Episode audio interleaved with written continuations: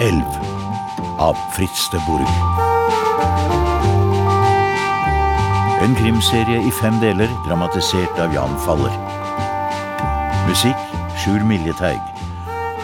Lyddesign Arne Barka. Regi Steinar Bertelsen. I rollen som Nicolai Wolff Mats Austdal. Femte og siste del En våt grav.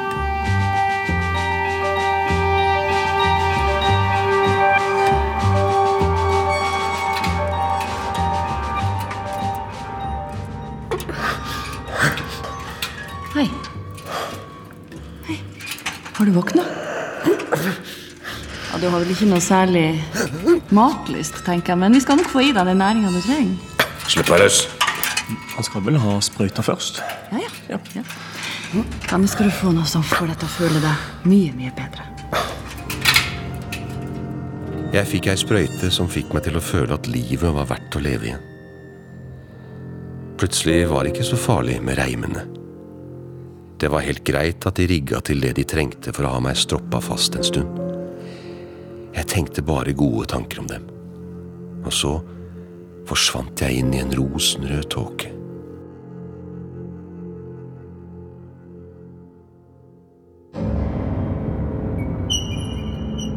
Vi må koble den løs fra utstyret. Er alt klart der borte? Ja, ja. De venter. Det virker som han er helt borte fortsatt. Ja. Fjerne stemmer nådde gradvis inn i tåka, som ikke var rosenrød lenger. Jeg hadde vondt i hele kroppen. Det verka fra topp til tå. Jeg har vondt. Jeg har vondt. Jeg prøvde å få munnen min til å adlyde, men det kom ikke en lyd. Ser ut som han våkner. Hei. Er du våken? Er det noe du vil ha? Jeg har vondt. Men du skal til ECT, da kan du ikke få noe for etterpå. ECT? Det er elektrokonvulsiv terapi. Ja, det blir ditt første skritt på veien til et nytt og bedre liv, Anders. Du mener elektrosjokk? Ja. Jeg skal ikke ha elektrosjokk. Slipp meg løs! Slipp meg løs igjen! Ja, ja, jeg kan forstå at du er urolig. Det, det kan hjelpe å be til Gud, Anders. Anders? Hvorfor kaller du meg Anders? Jeg heter Nikolai. Ja, ja vel. Ja, men da sier vi det. Da skal vi trille senga di ut av rommet, Nikolai, og over til et annet rom hvor behandlinga skal foregå. Nei! Nei! Slipp meg løs! Jeg vil ikke ha elektrosjokk! Hør her, Anders. Dette kommer til å skje, samme hva du sier. Og Vi kan gjøre det på den hyggelige måten, eller vi kan gjøre det mindre hyggelig. Hva vil du? Skal jeg tilkalle flere pleiere? Jeg tror vi prøver den hyggelige måten, ikke sant? Ikke sant, Nikolai? Ikke sant? De trilla meg ut av rommet og bort en korridor og inn på et stort, flombelyst rom. Der var det tre hvitkledde skikkelser. To kvinner jeg ikke hadde sett før, og Torleif Harberg. God dag, herr Olsen. Jeg vil at du skal vite at dette ikke er noe å være redd for. Litt ubehag akkurat under behandlingen, men etterpå får du tilbake din sinnsro og blir kvitt alle de plagsomme tankene. Han sto ved et trillebord og ordna med et apparat med et blankt panel med mange brytere. Så kom den ene kvinnen bort til meg med en slags ispinne med en klump klar salve. Nå skal søster bare smøre litt kontaktmiddel i tinningene dine. Sånn, ja. Fint. Og så skal du få noe å bite på. Jeg lot henne dytte et bitemunnstykke av gummi inn i munnen min. Harberg lente seg over meg og snakka med den trygge, behagelige legestemmen sin. I den nærmeste tiden kan du oppleve at korttidshukommelsen glipper litt, men det, det er helt normalt. Du er en mann i din beste alder. Du tåler doser som gjør at vi kanskje slipper med noen få behandlinger, men vi, ja, vi får se hvor heldige vi er. Men jeg lover deg at vi ikke gir oss før du blir fullstendig frisk. Jeg prøvde å fortelle ham at jeg skulle rive av ham huet og pisse ned i lungene hans. Men munnstykket ble stappa inn igjen. Så fikk jeg en bøyle over huet med noe som ligna to tøyballer som klemte mot tinningen.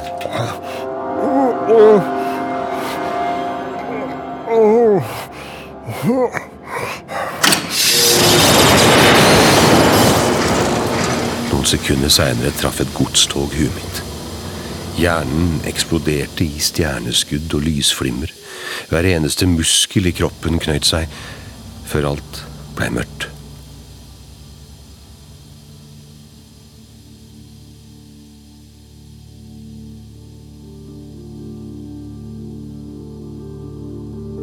Jeg våkna. Det var lyst. Da jeg våkna på ny, var det mørkt. Jeg prøvde å huske hvor jeg var og hvorfor, men noen hadde fylt huet mitt med betong. Jeg våkna igjen, og sakte kom det tilbake til meg hva som hadde skjedd. Denne gangen holdt ingen reime meg tilbake, og jeg satte meg opp i senga. Én ting sto klart for meg. Jeg måtte ut herfra, og det fort. Jeg la en slags plan. Den var svært enkel, men det tok meg to timer å snekre den sammen. Jeg holdt ringeknappen inne til jeg hørte skritt i korridoren. Da la jeg meg ned på gulvet i en rotet haug med teppe delvis over meg. Hva er det som har skjedd her, da? Hun har falt ut av sengen. Har du en nål? Nål? Hvorfor det? Nattevakta på 23-salen pleier å stikke dem i baken med en nål. Det, det får fart på dem. Nei, du, for noe tull. Hjelp meg å få han opp i senga igjen. Ta, ta, ta under armen hans. Ja, han burde ha ligget i reime. altså. Kanskje en, to Da han hadde meg nesten oppe, vrei jeg kroppen halvt rundt og kjørte kneet inn i skrittet hans. Han klappa sammen som en foldekniv og blei liggende på gulvet. Den andre pleieren sto som lamslått, og jeg greip tak i armen hennes og røska henne over henne. Ta ligg stille. En sprekk i armen din. Gi meg nøklene dine. Hva er klokka? Halv tre. Hvilken dag? Tirsdag natt til onsdag. Når går dere av vakt? Åtte. Jeg kommer til å låse dere inne, men dere klarer det fint fram til det. Jeg røska ut ledningene til ringeknappen før jeg fant klærne mine i et skap og skifta. Jeg kasta et siste blikk på dem før jeg låste døra med slåen. De så vettskremte ut, begge to.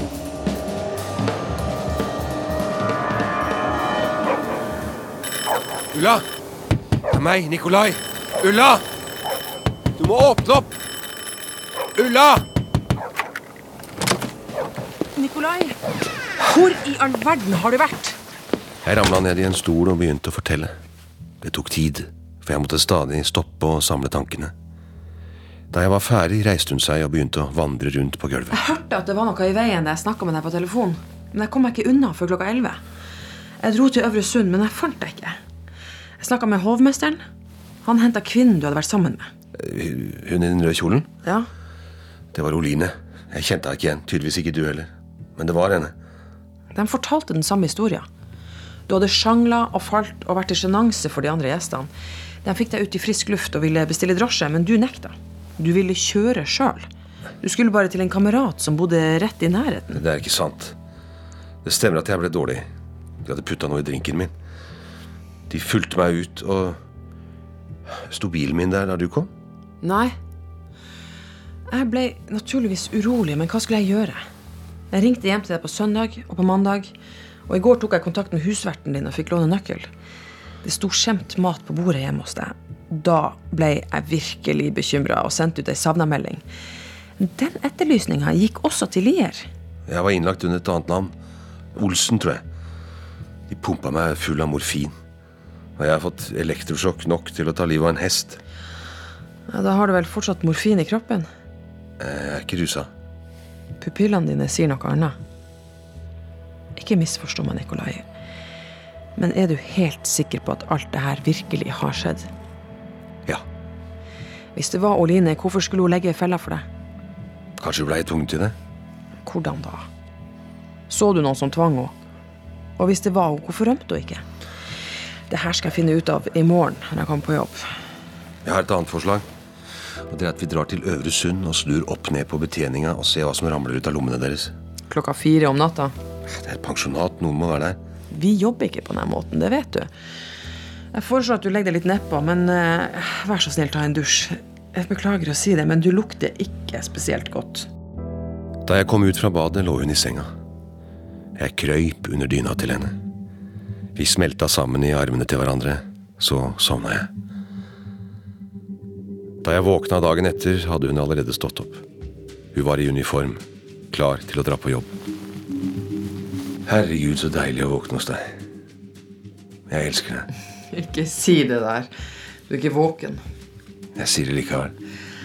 Men hva kommer det av at du fremdeles er ungkar hvis du forelsker deg så lett? Kanskje jeg er flink til å rote det til? Eller kanskje jeg egentlig ikke forelsker meg så lett, men at du er helt spesiell? Jeg er spesiell. Hva med deg, Nikolai Wolf? Hva er du? Jeg eh, Jeg er jo anarkist, det har jeg jo fortalt deg. Venter du i to sekunder, så slenger jeg på meg fillene og blir med. Du kan sette meg hjemme.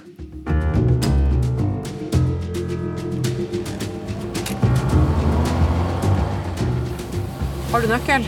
Nei, vi tok alt på Lier. Jeg tar et vindu. Du kan ta nøkkelen til husverten. Den jeg lånte. Ja, Her. takk. Nikolai, bare én ting. Ikke rot noe mer i det her før jeg har fått undersøkt litt.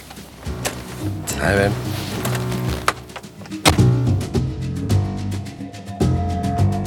Straks jeg kom inn, la jeg merke til at noen hadde vært her. Skrivebordsskuffen sto åpen, og lista over brevmottakerne og notatene mine var vekk. Det betydde ikke stort, ikke nå. Det viktigste var at de ikke hadde tatt nødrasjonen min, for nå trengte jeg den virkelig. Jeg skifta klær før jeg ringte og bestilte drosje.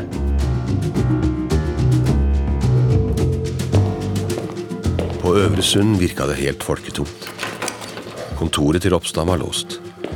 Til høyre var en kort korridor som endte mot en ståldør hvor det sto 'tilfluktsrom'. Jeg gikk ned en trapp og kom til en ny ståldør. Heller ikke den var låst. Innafor var et rom som minna meg om en britisk herreklubb.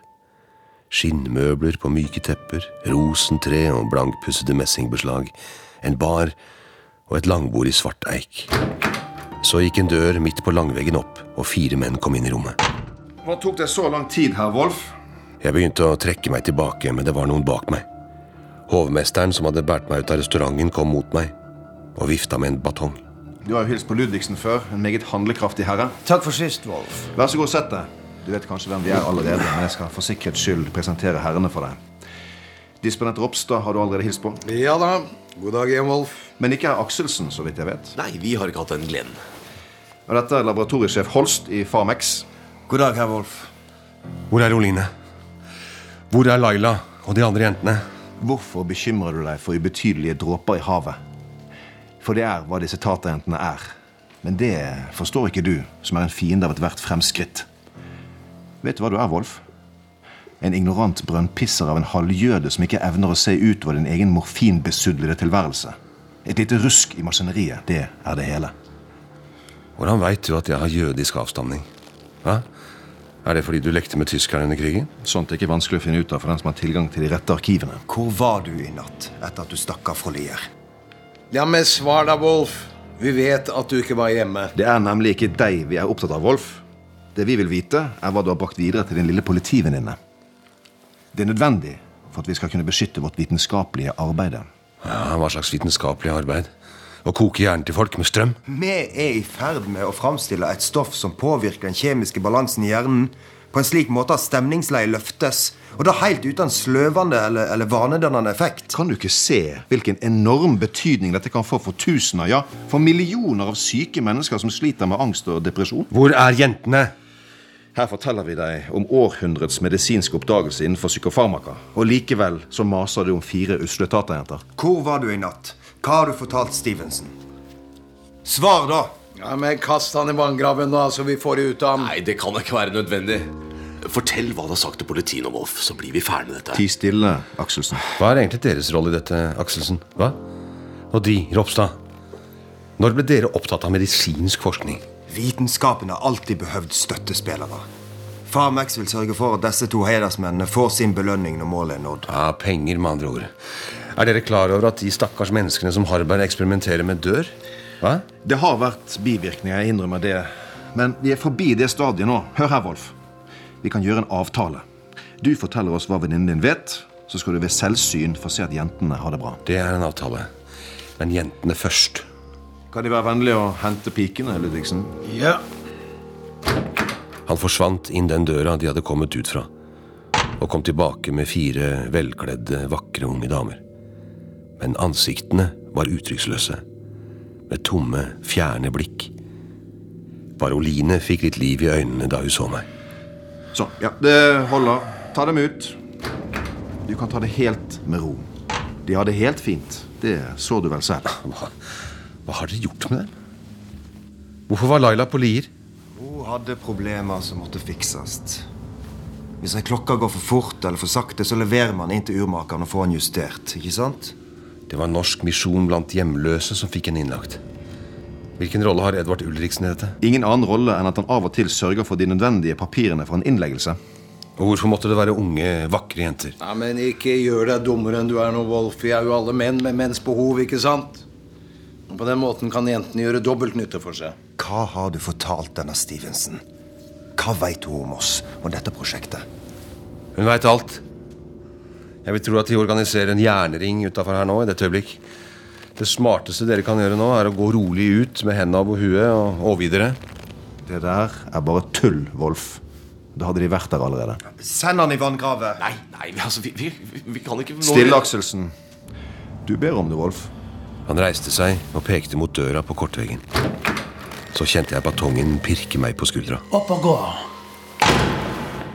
Jeg blei ført ned en lang trapp til et rom på omtrent fem ganger fem meter. Grå, naken betong, sparsomt opplyst av en enslig lyspære. Midt på gulvet var det et hull på ca. én kvadratmeter. Det så ut til å være omtrent tre meter dypt. Det sto en stige der, og et jerngitter lå ved siden av.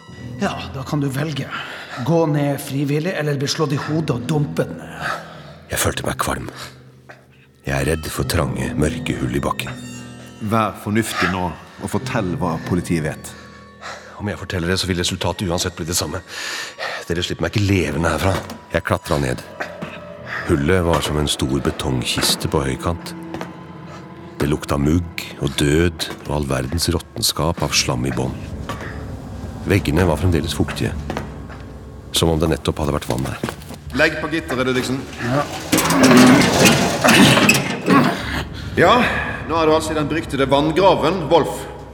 Av alle de sinnrike torturmetodene Gestapo klekket ut, så var nok denne den mest fryktede. Jeg kan ikke være med på dette her lenger, Harberg. Dette går for langt. Slipp ham opp nå. Og hva får deg til å tro at det er du som avgjør det, Akselsen?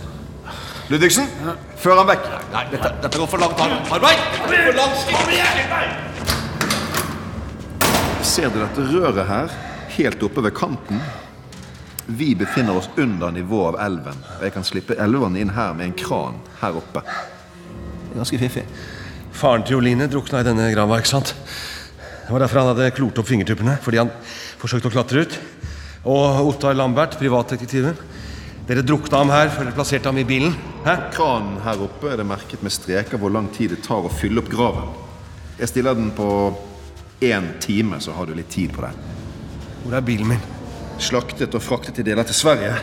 Jeg beklager det, men eh, den måtte forsvinne da vi la den på lia. Du har én time på deg, Wolf, til å finne ut om du ønsker å leve eller dø. Prøver å innbille meg at hvis jeg snakker, så vil du bare la meg dra herfra som om ingenting var skjedd. Jeg er redd det ikke er fullt så enkelt. Men du får leve. Jeg holder alltid det jeg lover. Leve. Som en lobotomert Hansen eller Olsen som sitter på lukka avdelinger og rugger frem og tilbake og skriker på mamma. Livet på lukteavdelingen er bedre enn du tror, Wolf. Du kan dra til helvete, Harberg. Som du vil.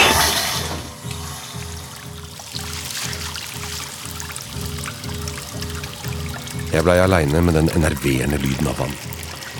En plasking som åt som termitter på nervene mine. Kulda blei fort plagsom. Jeg prøvde å tenke på andre ting, f.eks. om jerngitteret var låst. Da vannet nådde meg til brøstet, begynte jeg å interessere meg for veggene i grava. I sprekkene mellom forskalingsborda hadde betongen seget ut, og enkelte steder laget små kanter. Jeg strakk arma opp og prøvde å få tak i de største kantene og løfte meg opp. Den reiv bare fingertuppene til blods. Harvard! Få meg, få meg opp! Hallo! Hallo! Harvard! Harvard! Få meg opp! Hallo! Hallo! Hva er det?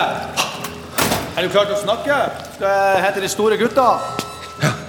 Jeg skal snakke. Jeg skal snakke. Bare hent Harberg. Fort, jeg fryser. Ja, uh, Harberg har måttet ut på Lier. Jeg, jeg aner ikke hva det er blitt av de andre, men eh, jeg tror bare disponent Ropstad er her nå. Ropstad, Ropstad, hent Ropstad. Ja, Steng av vannet, ja. og Hold på å drukne. Ja, ja. Jeg sto på tå for å få munnen over vannet. Og tenkte på hva jeg skulle si når Ropstad kom. Jeg måtte finne på noe som gjorde at de følte seg best tjent med å holde meg i live litt til. Jeg la huet bakover og stirra gjennom jerngitteret opp mot betongtaket. Men det var ikke Ropstad som kom til syne. Det var Ulla, med en revolver i hånda, som pekte mot Ludvigsen. Gud, Nikolai, hva har de gjort med deg? Få han opp derfra, Ludvigsen. Ja, ja. Ludvigsen bøyde seg ned og begynte å tukle med låseanordningen. Løfta gitteret opp og la det ned på gulvet ved siden av grava. Jeg fryser. Jeg fryser. Hent stigen, Ludvigsen.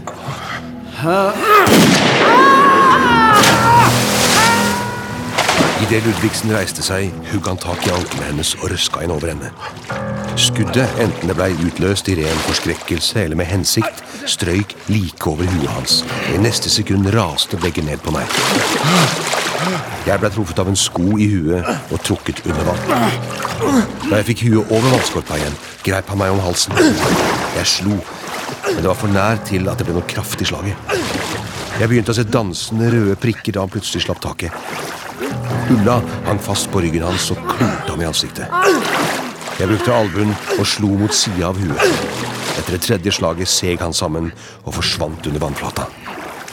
Jeg klatra opp på kroppen hans, sparka fra og hoppa opp mot kanten av grava. Jeg hadde en følelse av å veie ett tonn pga. de vasstrukne klærne, men fikk underarmen over kanten og dro meg opp. Kjapt rakte jeg armene ned etter rulla og dro den over kanten.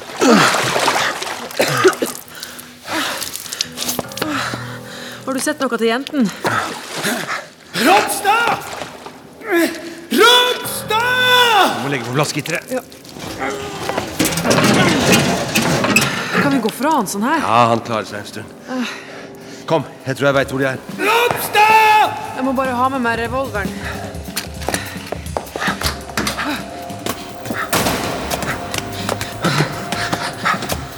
Var det noen andre her da du kom? Ropstad. Men han har jeg tatt hånd om.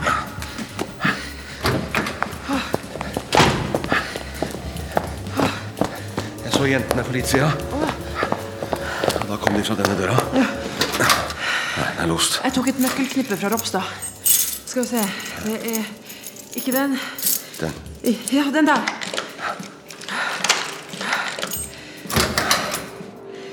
Fire dører med inspeksjonslukker. Er akkurat som på Lier. Ett rom til hver. Er det låst? Nei. Ja, dette var noe annet enn på Lier. Ja, det er som et hotellrom. Bad, til og med. Her har de hatt det de trenger. Jeg må ringe stasjonen og få noen til å hente Ropstad han er i vannhullet. Ah, Hva er det? kan ikke du hjelpe meg? Hva er det? Jeg, jeg slo ankelen da jeg falt ned det her. Fordømte holdet.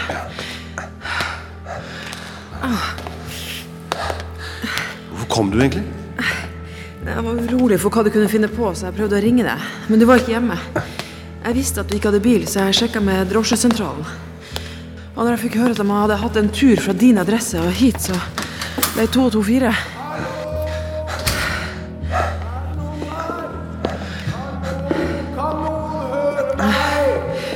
Han begynner visst å bli lei av å være lenka fast. Har du lenka han fast? Ja, til radiatoren.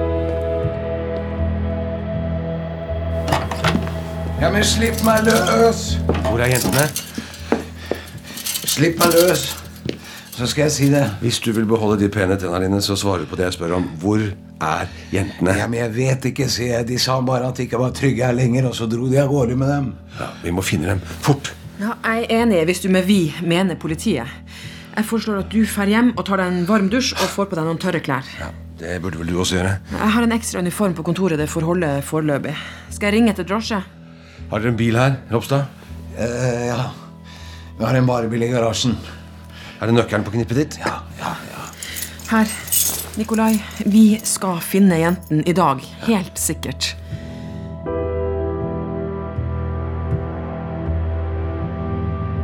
I garasjen hang det en sixpence-lue og to blå kjeledresser. Jeg kledde av meg alle de våte klærne og tok på meg den ene av dem. Sixpensen også.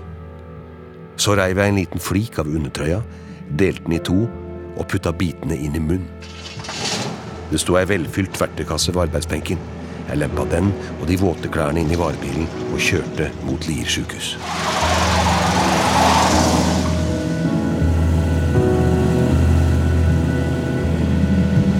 De massive bygningene så truende ut, selv i dagslys. Jeg trakk sixpensen godt ned i panna, stoppa ved portvakta og lente meg ut av sidevinduet, som om jeg hadde det altfor travelt til å gå ut av bilen. God dag. Hei! Det er heisen, ja. Den krangler igjen. Du må skrive deg inn. Vi har blitt strengere med det nå. Har nettopp fått påpakning. Kan vi ikke ta det etterpå? Heisen står, og folk skal opp med senger og greier. Jo, vi får vel det. Hvis heisen står, så. Takk skal du ha.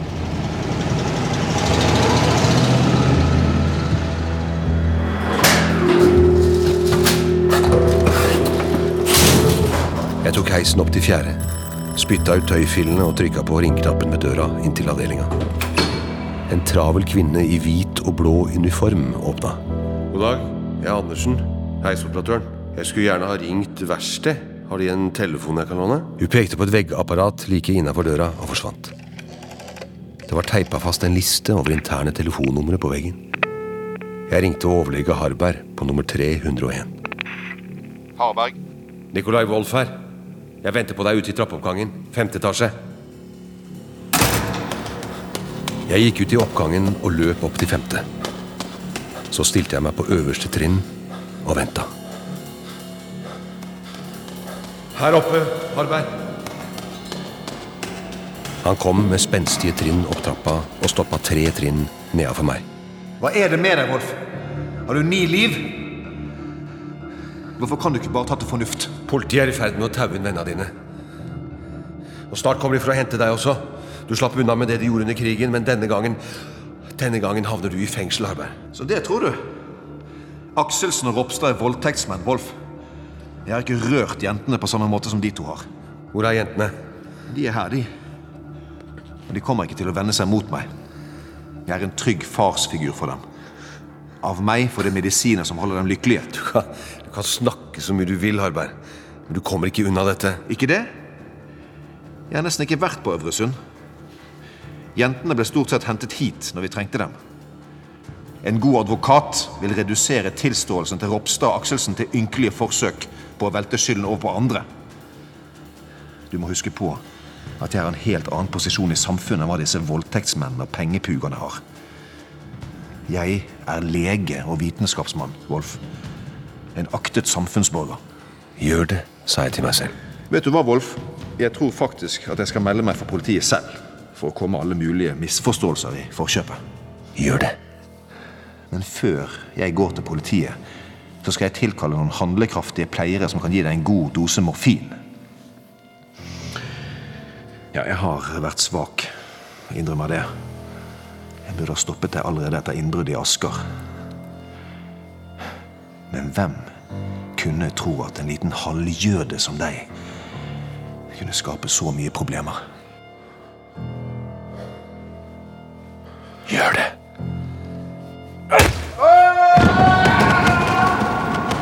Jeg sparka han i brystet så hardt jeg makta. Han landa tolv trappetrinn lenger ned, med nakken og bakhuet på de nederste trinna. Det rykka litt i ham. Så blei han slapp og stille. Husker du Else Nystuen, Harberg? Jeg eh, likte henne. Hun døde på samme måte.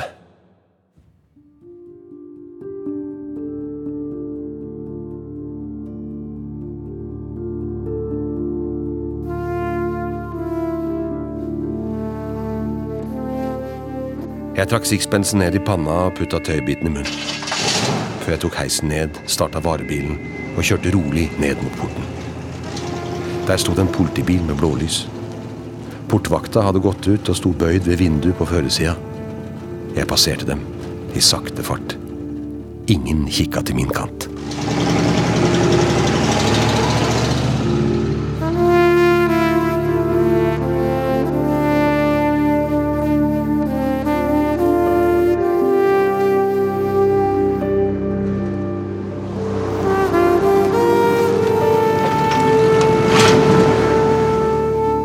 Kvitta meg med kjeledressen og bilen og dro hjem. Hadde aldri vært så sliten, aldri følt meg så gammel i hele mitt liv. Jeg fikk av meg de fuktige klærne, tok to piller og la meg på sofaen. Da jeg våkna, var det mørkt. Jeg kunne føle at det var noen i rommet.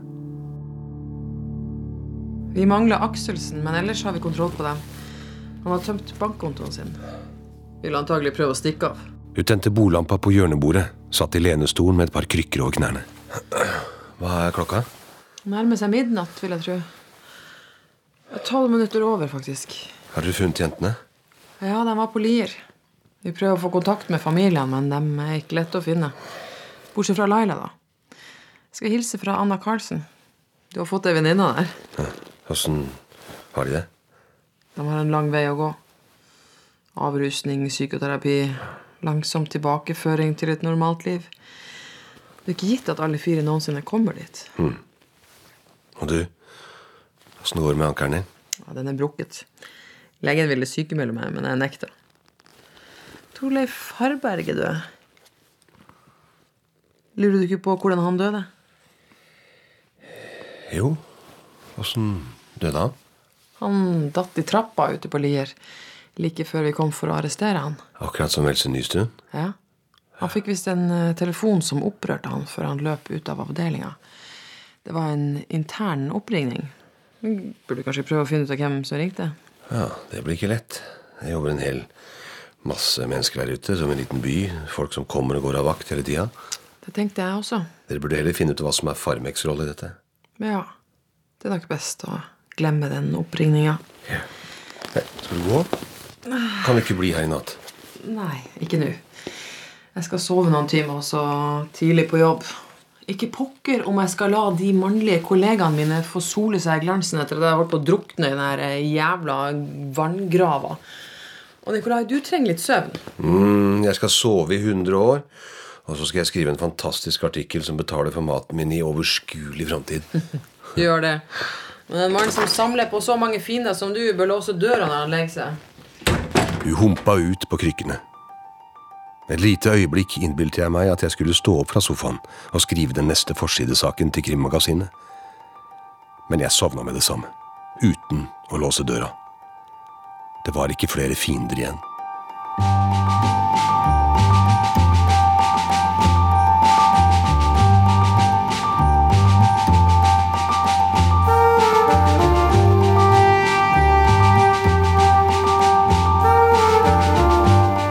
Har sendt femte og siste del av Dødens elv. En krimserie av Fritz de Burg, dramatisert av Jan Faller. Nicolai Wolff ble spilt av Mats Austdal. Ulla Stevensen, Maria Bock. Torleif Harberg, Kyrre Haugen Sydnes. Ludvigsen, Halvard Holmen. Akselsen, Espen Reboli Bjerke. Disponent Ropstad, Eindride Eidsvoll. Holst, Morten Svartveit. Sykesøster, Irén Reppen. Mannlig pleier, Bartek Kaminski. Portvakt, Rolf Christian Larsen. Dramaturg Else Barrat Due. Produsent Hege Katrine Bech Stabel. Musikken var komponert av Sjur Miljeteig og ble fremført av Jørn Øyen, Mats Eilertsen, Per Oddvar Johansen, Peder Kjelsby og Sjur Miljeteig. Musikkopptak Øystein Halvorsen. Lyddesign Arne Barka. Regi Steinar Bertelsen.